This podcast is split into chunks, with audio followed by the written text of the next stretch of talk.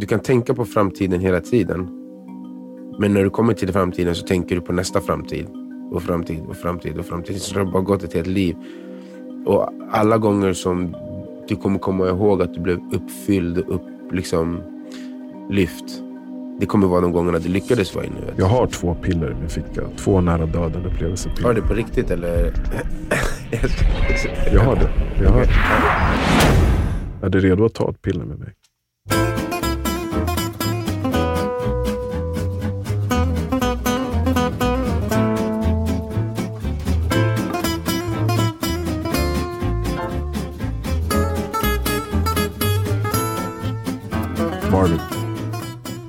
Babi. vad tror du skulle hända om det fanns ett piller, ett eh, riskfritt piller. Så om man tog det pillret så skulle liksom ens kropp och sinne gå igenom, gå igenom något som, som var exakt som en här, nära döden upplevelse. Alltså Mm. att det skulle simulera hela den kemiska, och fysiska och psykiska reaktionen. Och alla känslor och allt vad en nära döden upplevelse innebär. Vad tror Mm. du skulle hända? Eller så här, så här. Hur tror du att vårt samhälle skulle se ut om alla i Sverige var tvungna att ta det här pillret, typ efter man gått ut gymnasiet? Mm. Jag tror att vi skulle ha många människor som är mycket mindre fokuserade på materiella saker och ytliga saker. Och, Mm.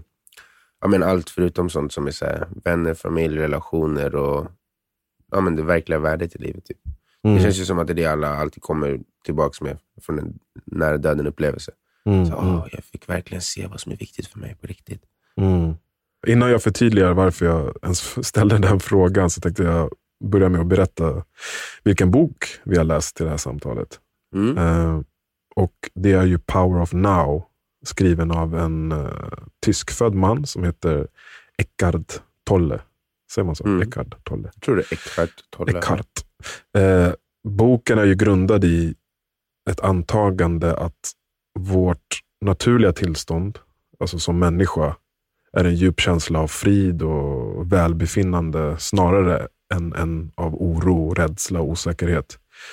Mm. Och, eh, men anledningen till att de allra flesta av oss inte befinner oss i det, fridfulla tillståndet är på grund av att vi ständigt är förlorade i, det här, i våra tankar egentligen. Mm. Kompulsivt tänkande. Och att Mm. lösningen till det då enligt boken och, Tolle är att finna nuet, the now. Alltså att vara totalt närvarande. Mm. Eh, vi har ju pratat en hel del om just det. Inte minst Mm. i förra avsnittet. Alltså Just det. det här sinnestillståndet där man är helt alert och uppmärksam utan sina, alltså utan att vara distraherad från sina tankar. Och man är mer ansluten till världen runt omkring och man är mer medveten om sina val och beslut och Mm. allt det där. Jag skulle nästan säga att boken typ, för, i bakgrunden där han säger, så är det som att han omdefinierar vad verkligheten egentligen är. Alltså att det som vi lever i och kallar vårt liv, det kallar ju de för livssituation. Mm. Och att det egentligen inte är vårt verkliga liv.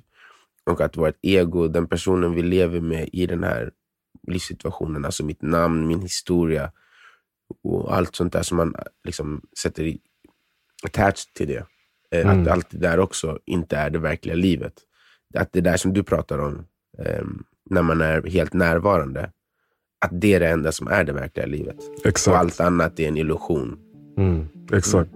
Och, och Hela boken egentligen talar om, eller pratar, pratar om det här kompulsiva tänkandet och hur det förstör vår möjlighet att infinna oss i, den, i det tillståndet. Eh, och han, Tolle redogör då för att, hur man kan bryta sig loss från, från det, eh, sina tankar och infinna sig i nuet, the now, oftare. Mm.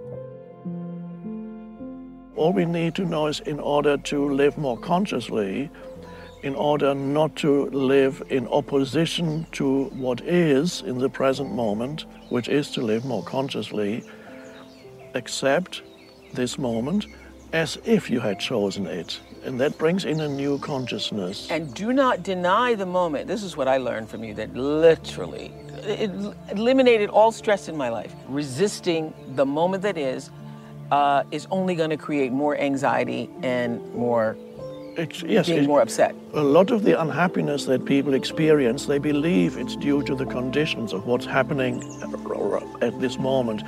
But in most cases, it's not the conditions or the situation that you're in that causes the unhappiness. It's the mind telling you something about this moment that causes the unhappiness.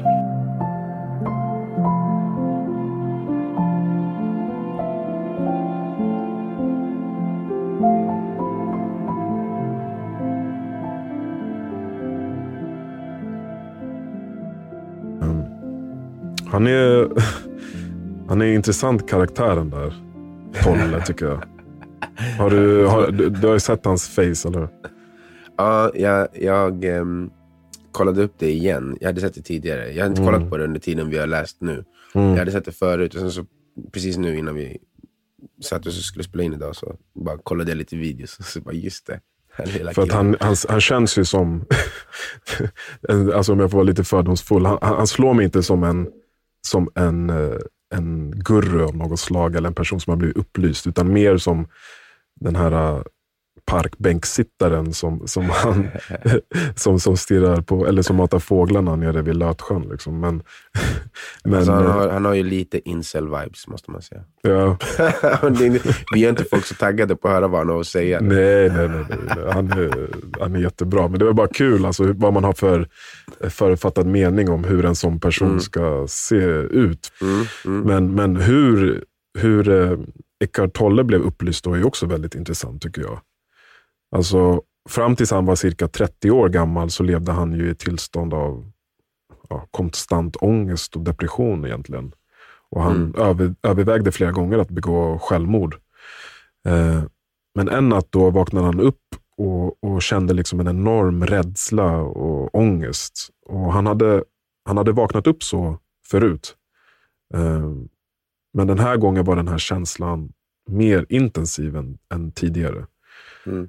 Alla hans sinnesintryck, bara typ möblerna som stod i mörkret, ljudet från tåget utanför och så vidare. Allt det kändes liksom väldigt främmande och fientligt och meningslöst på något sätt. Och han kände en liksom, avsky för världen, men framförallt för sin egna existens.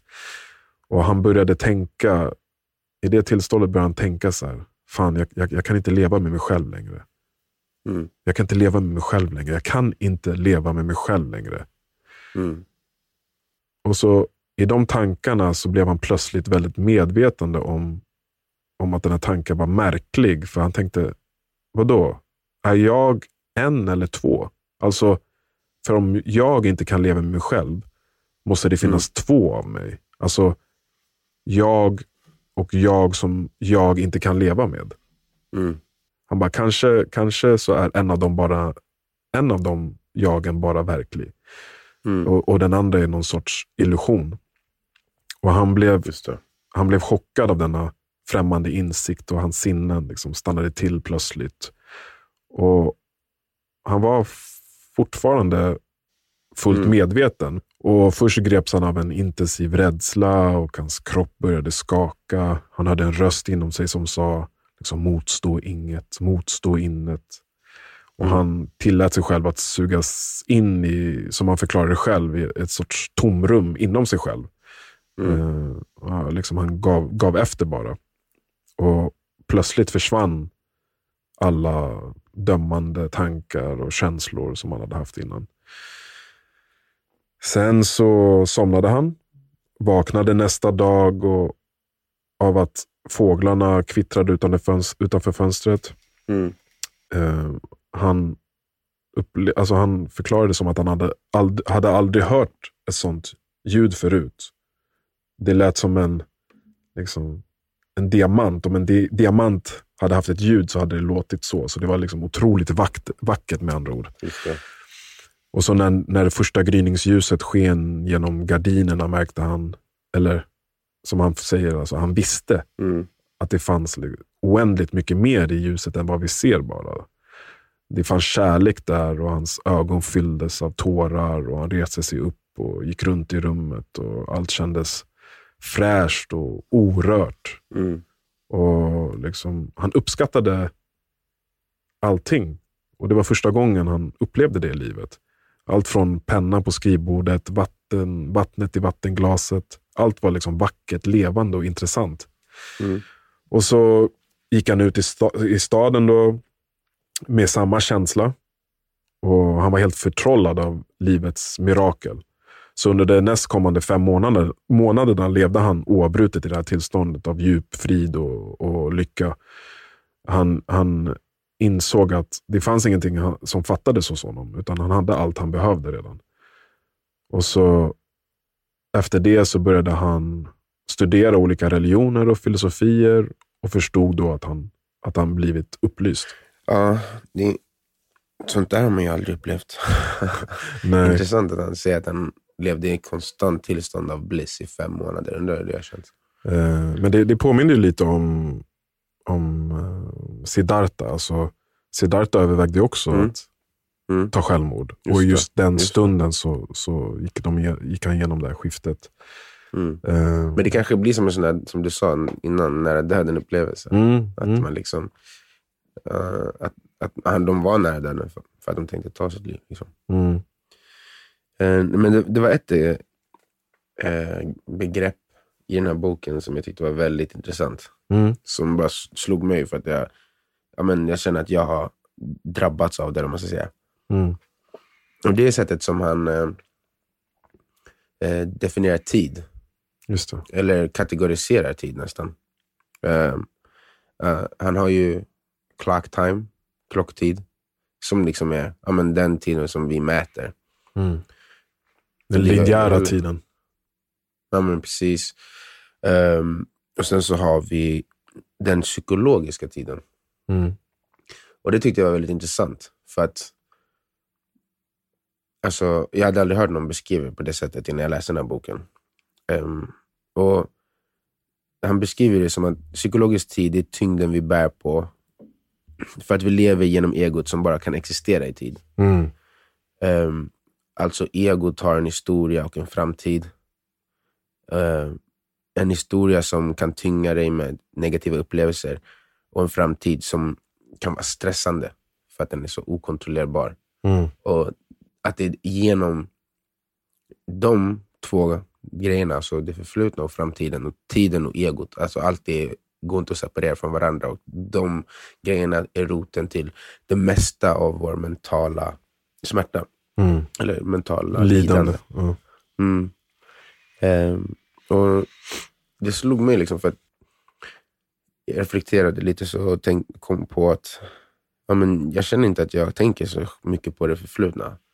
Nej. Jag- Jag, lite så som han beskriver i boken, att man ska tänka på det förflutna. Typ, okej, när någonting händer i nuet och så är man medveten om man gör så bara, tycker man inte att det är bra.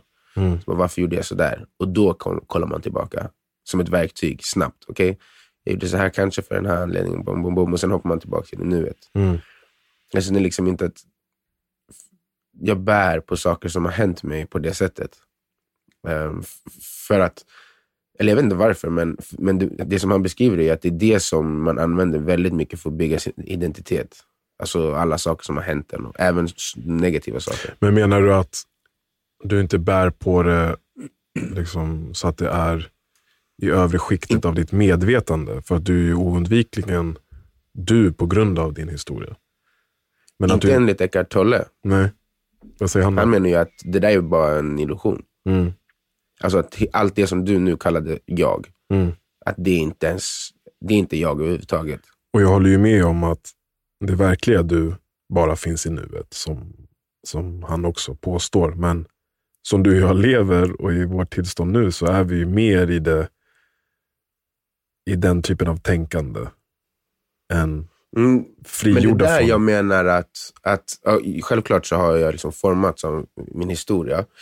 Eh, och det undermedvetna har ju registrerat allting. Så, att så mycket av vad man gör är ju för att ens hjärna bara, okej det här har hänt innan, det här har hänt innan, så då, då blev det det här, så nu ska jag inte göra så igen och så vidare. och Så vidare. Så att, självklart lever man genom erfarenheter. Men jag menade huvudsakligen det tunga. Alltså att saker som har varit negativa som har hänt, det är ingenting som tynger mig idag. Nej, nej. Alltså jag, jag tänker aldrig på någonting negativt som har hänt Du- tidigare, mer eller mindre. Men jag tänker, det var det här jag tänkte komma till att, egentligen, att för jag bär på tyngd, men bara framåt. Och det var det, det, var det som slog mig, så att det var intressant. Att, Hur menar du att, alltså oro för framtiden? Typ? Mm. Ja. inte oro, inte, eh, inte, eller det är en oro i grunden. Mm. Alltså någon undermedveten, alltså som inte kommer upp till min, i, i, i mitt medvetande med medvetna tankar. Men att, till exempel, det finns min, mi, eh, mikro och makro för mig i det här. Till exempel så har jag liksom en regim varje dag som är schemalagd. Um, och det slog mig hur mycket av hur mycket motstånd man, alltså vi har ju pratat om det här motståndet förut, men hur mycket motstånd som uppstår bara för att jag brukar visualisera hela dagen. Hela tiden. Mm. Alltså under dagens gång. Så att om jag går upp fem och så ska jag jobba till sju på kvällen. Mm. Då har jag allt det i huvudet. Under, alltså mesta delen av tiden. Mm. Istället för att bara schemalägga det, vilket jag försöker börja göra nu. Alltså jag schemalägger det och sen så tänker jag inte på något av det. Nej. Och låter notiserna från mitt schema poppa upp och då börjar jag tänka på det. Ehm, och det, det är mikronivån. Alltså att, för jag märker hur mycket tröttare jag blir utav att göra det. Alltså man, man blir utmattad. Och det, dels så är du inte lika fokuserad på det du gör, men också så är det som att så länge som, alltså för varje stund du tänker på att du ska göra saker, så är det jobbigt. Alltså det är en Just det. del av tyngden av att göra saken. Fett roligt. Jag hörde på en annan podcast någon, någon, eh, som hade, någon som var vän med en väldigt intellektuell person. Och att han Mm. hade valt att köpa bara samma kläder och ha i sin garderob. Så att han skulle ha samma Mm. kläder varje dag. Bara för att slippa ge tankekraft åt att så här, vad ska jag ha på Mm. mig idag? Mm. Men, men det, där är ju också så här, så kognitiv eh, bandwidth som de pratar om ibland. Men det här känns lite annorlunda, för det här känns typ som att det handlar inte bara om att jag måste ta beslutet att göra det. Det handlar om att det är jobbigt. Alltså typ, låt, säga, låt säga att man har så här, en viss enhet av energi varje dag. Mm. Och sen om, om, om vi- vi ser till 20 enheter. Då, om jag ska göra 17 saker, då har jag bara tre enheter energi kvar Mm. för resten av dagen. Men att tänka på allt jag ska göra hela dagen, det tar hela tiden lite från min energi också. Ja. Så att när jag kommer till de fem sista sakerna så är jag helt mest up och orkar inte göra någonting. Men de gångerna jag är mer närvarande i varje grej och inte bär på den här tyngden av resten av dagen hela tiden. Då, då kan det komma upp nya saker, nya saker. Alltså till exempel de, när det inte är planerat. Alltså när man bara måste jobb, göra saker, jobb eller vad det nu är. Och sen så hinner man inte tänka efter. Ska jag sluta dagen nu? Ska jag hem nu? Jag är hungrig nu? Bla bla. Så kan klockan bara helt plötsligt vara mitt i natten och så har har du liksom inte ens tänkt på att du har, har gjort av med massa energi. Men när du väl tänker på det så bara Exakt. så är det mest upp. För då är du tillbaka i tid. Ja. Liksom. Men att, äh, ja, det slog mig bara hur mycket det där är en grej för mig. Alltså att jag måste sluta tänka, det där var mikronivån då, framåt i dagen. Men det slog mig också att, så här, jag har pratat om det förut, att jag vill bli av med en känsla av att jag måste nå någonstans. Som, alltså, jag vill ju ha ambitionen, men jag vill inte ha känslan av att det skaver för att jag inte är där än. Nej. Och det där är vad jag tolkade från boken som rädsla för att det inte kommer hända. Ja. Alltså för att om, om man är helt säker på att någonting kommer hända som du vill ska hända, då behöver du inte hålla på och tänka på när ska det hända, när ska det hända. Då är det ju bara att fortsätta sätta en fot framför nästa och sen så kommer det hända när det är dags. Mm, mm. Och det är ju den mentaliteten man egentligen vill ha. Men för att kunna göra det så måste man också vara i nuet. Och du måste sluta vara rädd också för att det inte ska hända. Ja. För att om du är rädd för att det inte ska hända, då kommer du sitta och tänka, tänk om det inte händer. Ehm, jag måste se till så att det, det inte, inte finns så lite chans som möjligt, att det, eller risk att det inte händer. Och täcka alla luckor. som Okej, okay, det här kan göra dig framgångsrik på det sättet du vill vara framgångsrik. Jag måste göra det. Det här, det här, det här, det här, det här, det här. Det här.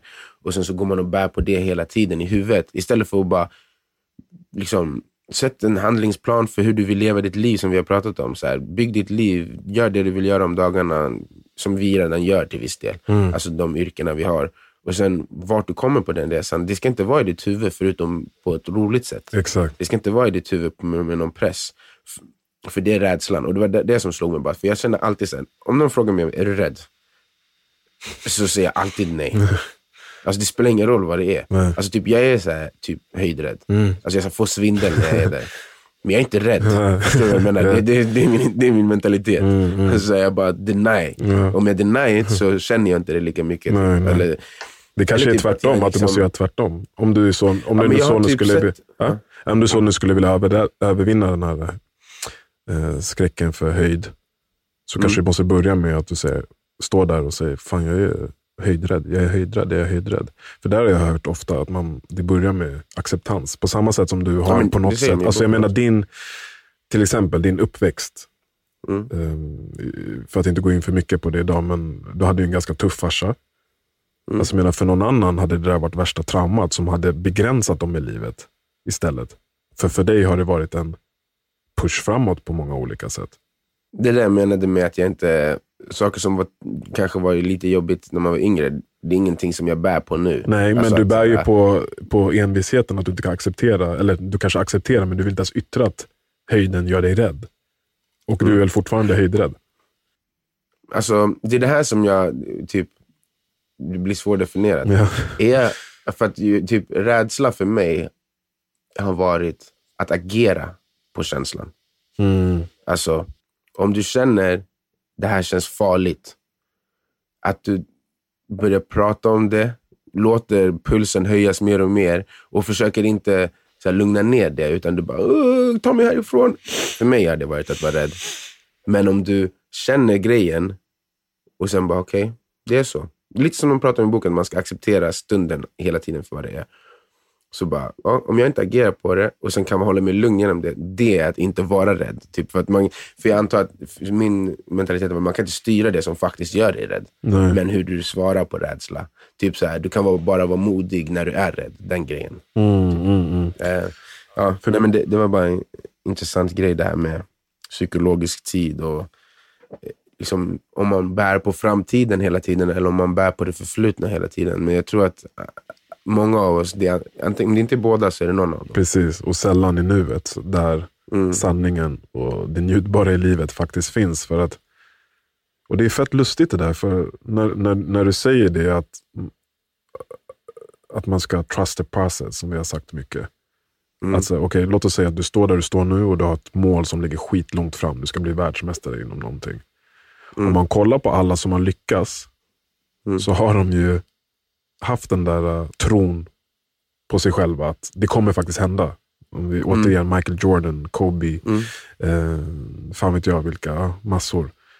Ali. Ja, och de har ju också samtidigt haft det största egot på något sätt. Mm. Så för mig blir det där lite så här uh, motsägelsefullt på något sätt. Att du ska trust the process samtidigt som du har ett ego. Mm. Förstår du vad jag menar? det beror på vad målet är ja, på riktigt. Ja, han, han menar ju att målet i den yttre världen är inte målet nej, någonsin. Nej. Eller så här, det, det, det, är bara, det som vi har pratat om, det är bara ett spel. Mm. Alltså för att och det kan jag hålla med om. För att om jag når dit, vad man än har för ambition, NBA eller eh, Hollywood. Det kommer alltid ligga i linje med tiden och det kommer aldrig vara för evigt tillfredsställande.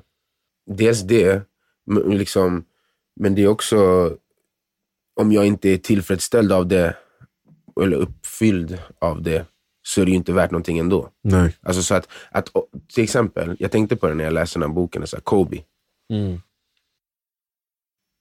May his soul rest in forever, in, in paradise forever. Men jag, det slog mig att säga, ja, om du aldrig sätter på bromsarna, om det enda du tänker på är att du ska vara optimerad, Mm. Så här, typ, i, den här, I det här spelet då, som är att nå framgång eller nå allt det som värderas i det yt, ytliga livet.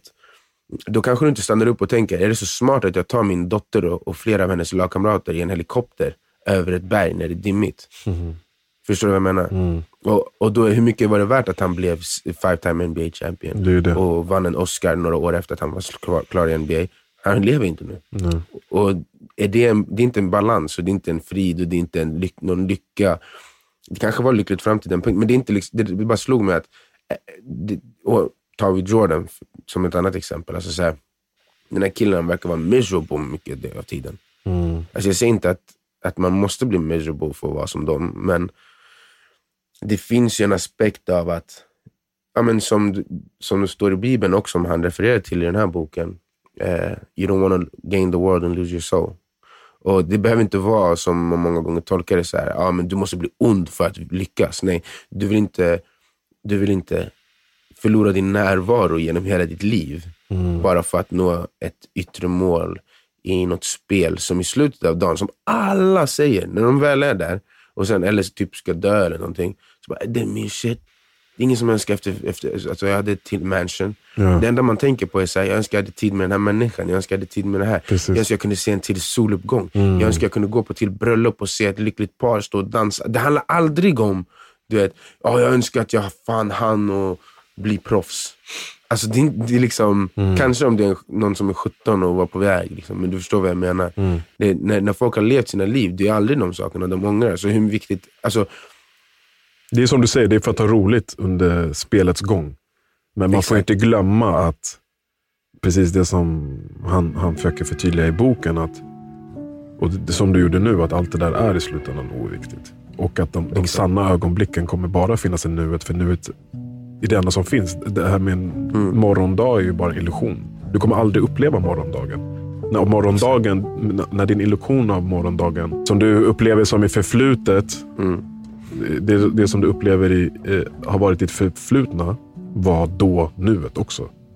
Mm, exakt.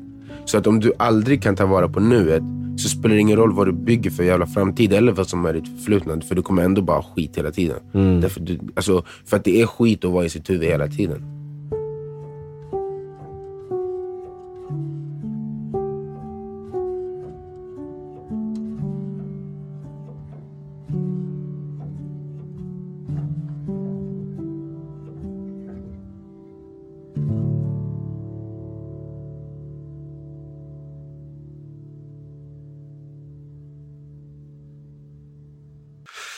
Nej, det, det är svårt, men jag, jag gillar faktiskt den här boken. Eh, egentligen tycker jag inte att den säger något nytt liksom, som jag inte har läst förut. Eh, för att den, den, För mig var det bara det här med tiden. Ja. Alltså, jag, jag har ju hört om att vara i, vara i nuet. Alltså, de pratar ju alltid om det i meditation och alla de här Mm. lik- de filosofierna som innehåller sånt. Men jag kände att jag aldrig hade sett det förklarat på det sättet så att jag för, alltså, det blev tydligt för mig hur mycket av en illusion det är. Mm. Alltså för att, ja men som vi sa nu, du kan tänka på framtiden hela tiden. Men när du kommer till framtiden så tänker du på nästa framtid. Och framtid och framtid och framtid. Så det har bara gått ett helt liv. Och alla gånger som du kommer komma ihåg att du blev uppfylld och upp, liksom, lyft. Det kommer vara de gångerna du lyckades vara i nuet. Mm. Så ja, det, Ja, alltså när vi ser- tiden blev väldigt intressant. Alltså när vi ser personer som för oss är så här, som blir magiska för en stund. Till exempel Mm. när Jordan spelar basket eller när eh, någon världsartist artist står på scenen och liksom försvinner i, i, i, i mag- eh, någon som ja, gör något annat. Mm. Då är de ju i nuet till det maximala. För att kunna prestera det de gör. Och för oss som, bara, som åskådare blir ju det, det känns alltid så främmande. Om man själv inte är, är kapabel till att hamna där. Liksom, eller är mästare i någonting. Och som jag själv uppfattar varför jag väljer att göra vissa saker och ha vissa intressen, är ju i de sakerna där jag i, eller har lättast att hamna i nuet. Till exempel när jag sitter och Exakt. Okay, jag, jag, jag, vet att jag kan hitta det här flowet där tid och rum försvinner för en stund. Det är lätt för mig när jag skriver. Och det är också lätt för mig när jag tränar jujutsu eller kampsport eller tränar generellt. Exakt. Eh, Så att jag tror att idag så är det väl det är en, liksom, en väg att, att uh, kunna lära sig vad det innebär att vara i nuet och sen applicera mm. det i andra aspekter. Som jag har sagt till dig förut, så här, när, jag, när jag har försökt praktisera närvarande, typ när jag står och diskar. Att, mm. eh, det är också så en zen-buddhistisk eh, tanke. Att, så här, när du står och diskar, tänk inte så här, nu diskar jag för att bli klar, utan nu diskar jag för att det här ska mm. bli rent. Och det är betydelsefullt bara i sig. Just det, det här fick mig att tänka på the four agreements. Alltså, always do your best. Ja, det, det är hand i hand med det. Always do your best, då är du i nuet. Mm. Alltså, du kan inte göra ditt bästa om du inte fokuserar på det du gör helt och mm. hållet. Mm, mm. Och då kan du inte vara i tid samtidigt, framåt eller bakåt. Nej. Så liksom, det, det slog mig där, att det var, för då var jag bara så ah, men always do your best, det är klart, ah, då blir saker bra. Ah. Men det handlar inte om prestationen, typ, att, alltså, att det mer handlar om det, det spirituella eller, eller mentala. Mm. Eller inte mentala, spirituella. För det mentala är ju det man vill ifrån egentligen. Mm. Och Det där tycker jag också är så intressant med den här boken. Alltså för att det känns som att eh, mänskligheten förr, till viss del nu också, men förr var det så här, det, den fysiska liksom, makten människor hade, den premierades mest av allt. Ja. Alltså så här, starkaste, snyggaste, alltså det var sånt som gav makt. Liksom. Mm. Och sen så kom vi så långt med vårt sin, sinne, alltså hjärnan, att nu är det det. Mm. Och det, vi har liksom inte ens kommit till en plats där vi kan föreställa oss att det finns någon till del av oss som är ännu viktigare än båda dem. Mm. Och det är det som den här boken verkligen, så här, ja, men det inte var helt nytt, så blev det verkligen så klart hur, att, hur, hur, hur logiskt det är egentligen. Alltså att vi ska gå vidare från att, alltså hur, och att, att hjärnan, eller the mind, jag har svårt att hitta ett svenskt ord som passar för det. Sinnet känns mer flummigt än the mind. Mm, mm. Men ja, jag känner liksom att det är så jävla övervärderat. Mm. Alltså typ, lycka kommer ju aldrig därifrån. Nej.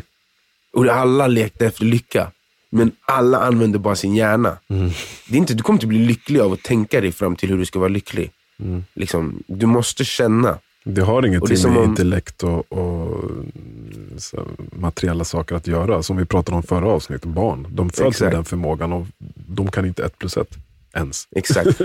och, och, jag känner typ också att så här, jag är ju själv inte religiös, men det känns som att vi förlorade ett värde i världen när vi blev så jävla så här, sekulariserade. För att även om mycket fel fanns i de här religionerna och kanske vissa tycker finns och whatever, whatever man har för åsikt om det, så gav det oss ett fokus på den här delen av vår tillvaro, eller vår, liksom, att vara människa. Mm. Uh, det fanns ändå en aspekt av, liksom, det finns mer än både det fysiska och det mentala. Det finns det spirituella, det andliga, det religiösa. Men där ligger ju att alltid göra ditt bästa. För att det är ju tydligt i många religiösa böcker så här, hur du är bäst som människa. Och då har du redan satt, om det, vi pratar om islam till exempel, eh, du ska be fem gånger om dagen. Du ska mm. eh, besöka Mecka. Mm. Och gör du inte de grejerna så är du inte det bästa du kan vara. Så det, mm. det, det, inspirerar också till någon form av närvaro. I, i närvaro i, det, i de besluten du tar och vad du väljer att göra. Mm. Och förmodligen kan det, som, som skrivandet och jutsu, kan smitta av liksom i andra aspekter i, i vardagen. Att vara mm. mer närvarande och vara mer kärleksfull person och så vidare. Ja, men verkligen. Och det känns som att så här, den moderna världen behöver hitta någon ny filosofi mm. som kan sträcka sig lika brett och vitt som de gamla religionerna gjorde. Eller de nuvarande religionerna gör. Eh, som inte behöver vara så himla... Alltså där, där inte folk behöver hålla på att välja sida och sånt. Där, det, där man kan komma överens om att det här, det här är allmänmänskliga, spirituella värden. Typ.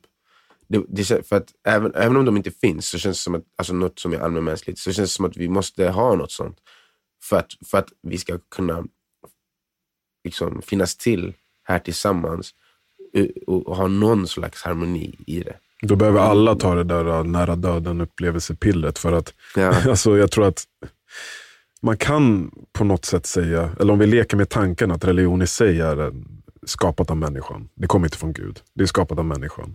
Det är en mänsklig konstruktion. Om man leker med den tanken så är det. Ja, mm, mm, för att jag vet inte om det är så eller inte. Nej men precis, uh, ingen vet ju. Mm. Men att våra mänskliga egenskaper spelar ju in där uppenbarligen för att vi, vi krigar och dödar varandra efter en bok mm. som förespråkar kärlek och gemenskap.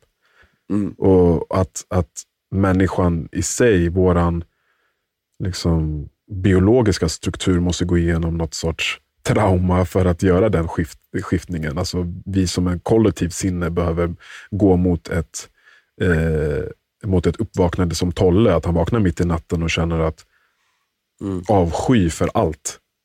Och där kanske mm. det där skiftet sker. Förstår du vad jag tänker? Mm. Alltså det kommer ja, inte räcka. Alltså, jag, tror inte det kommer, jag litar inte på människan tillräckligt mycket för att tänka så här.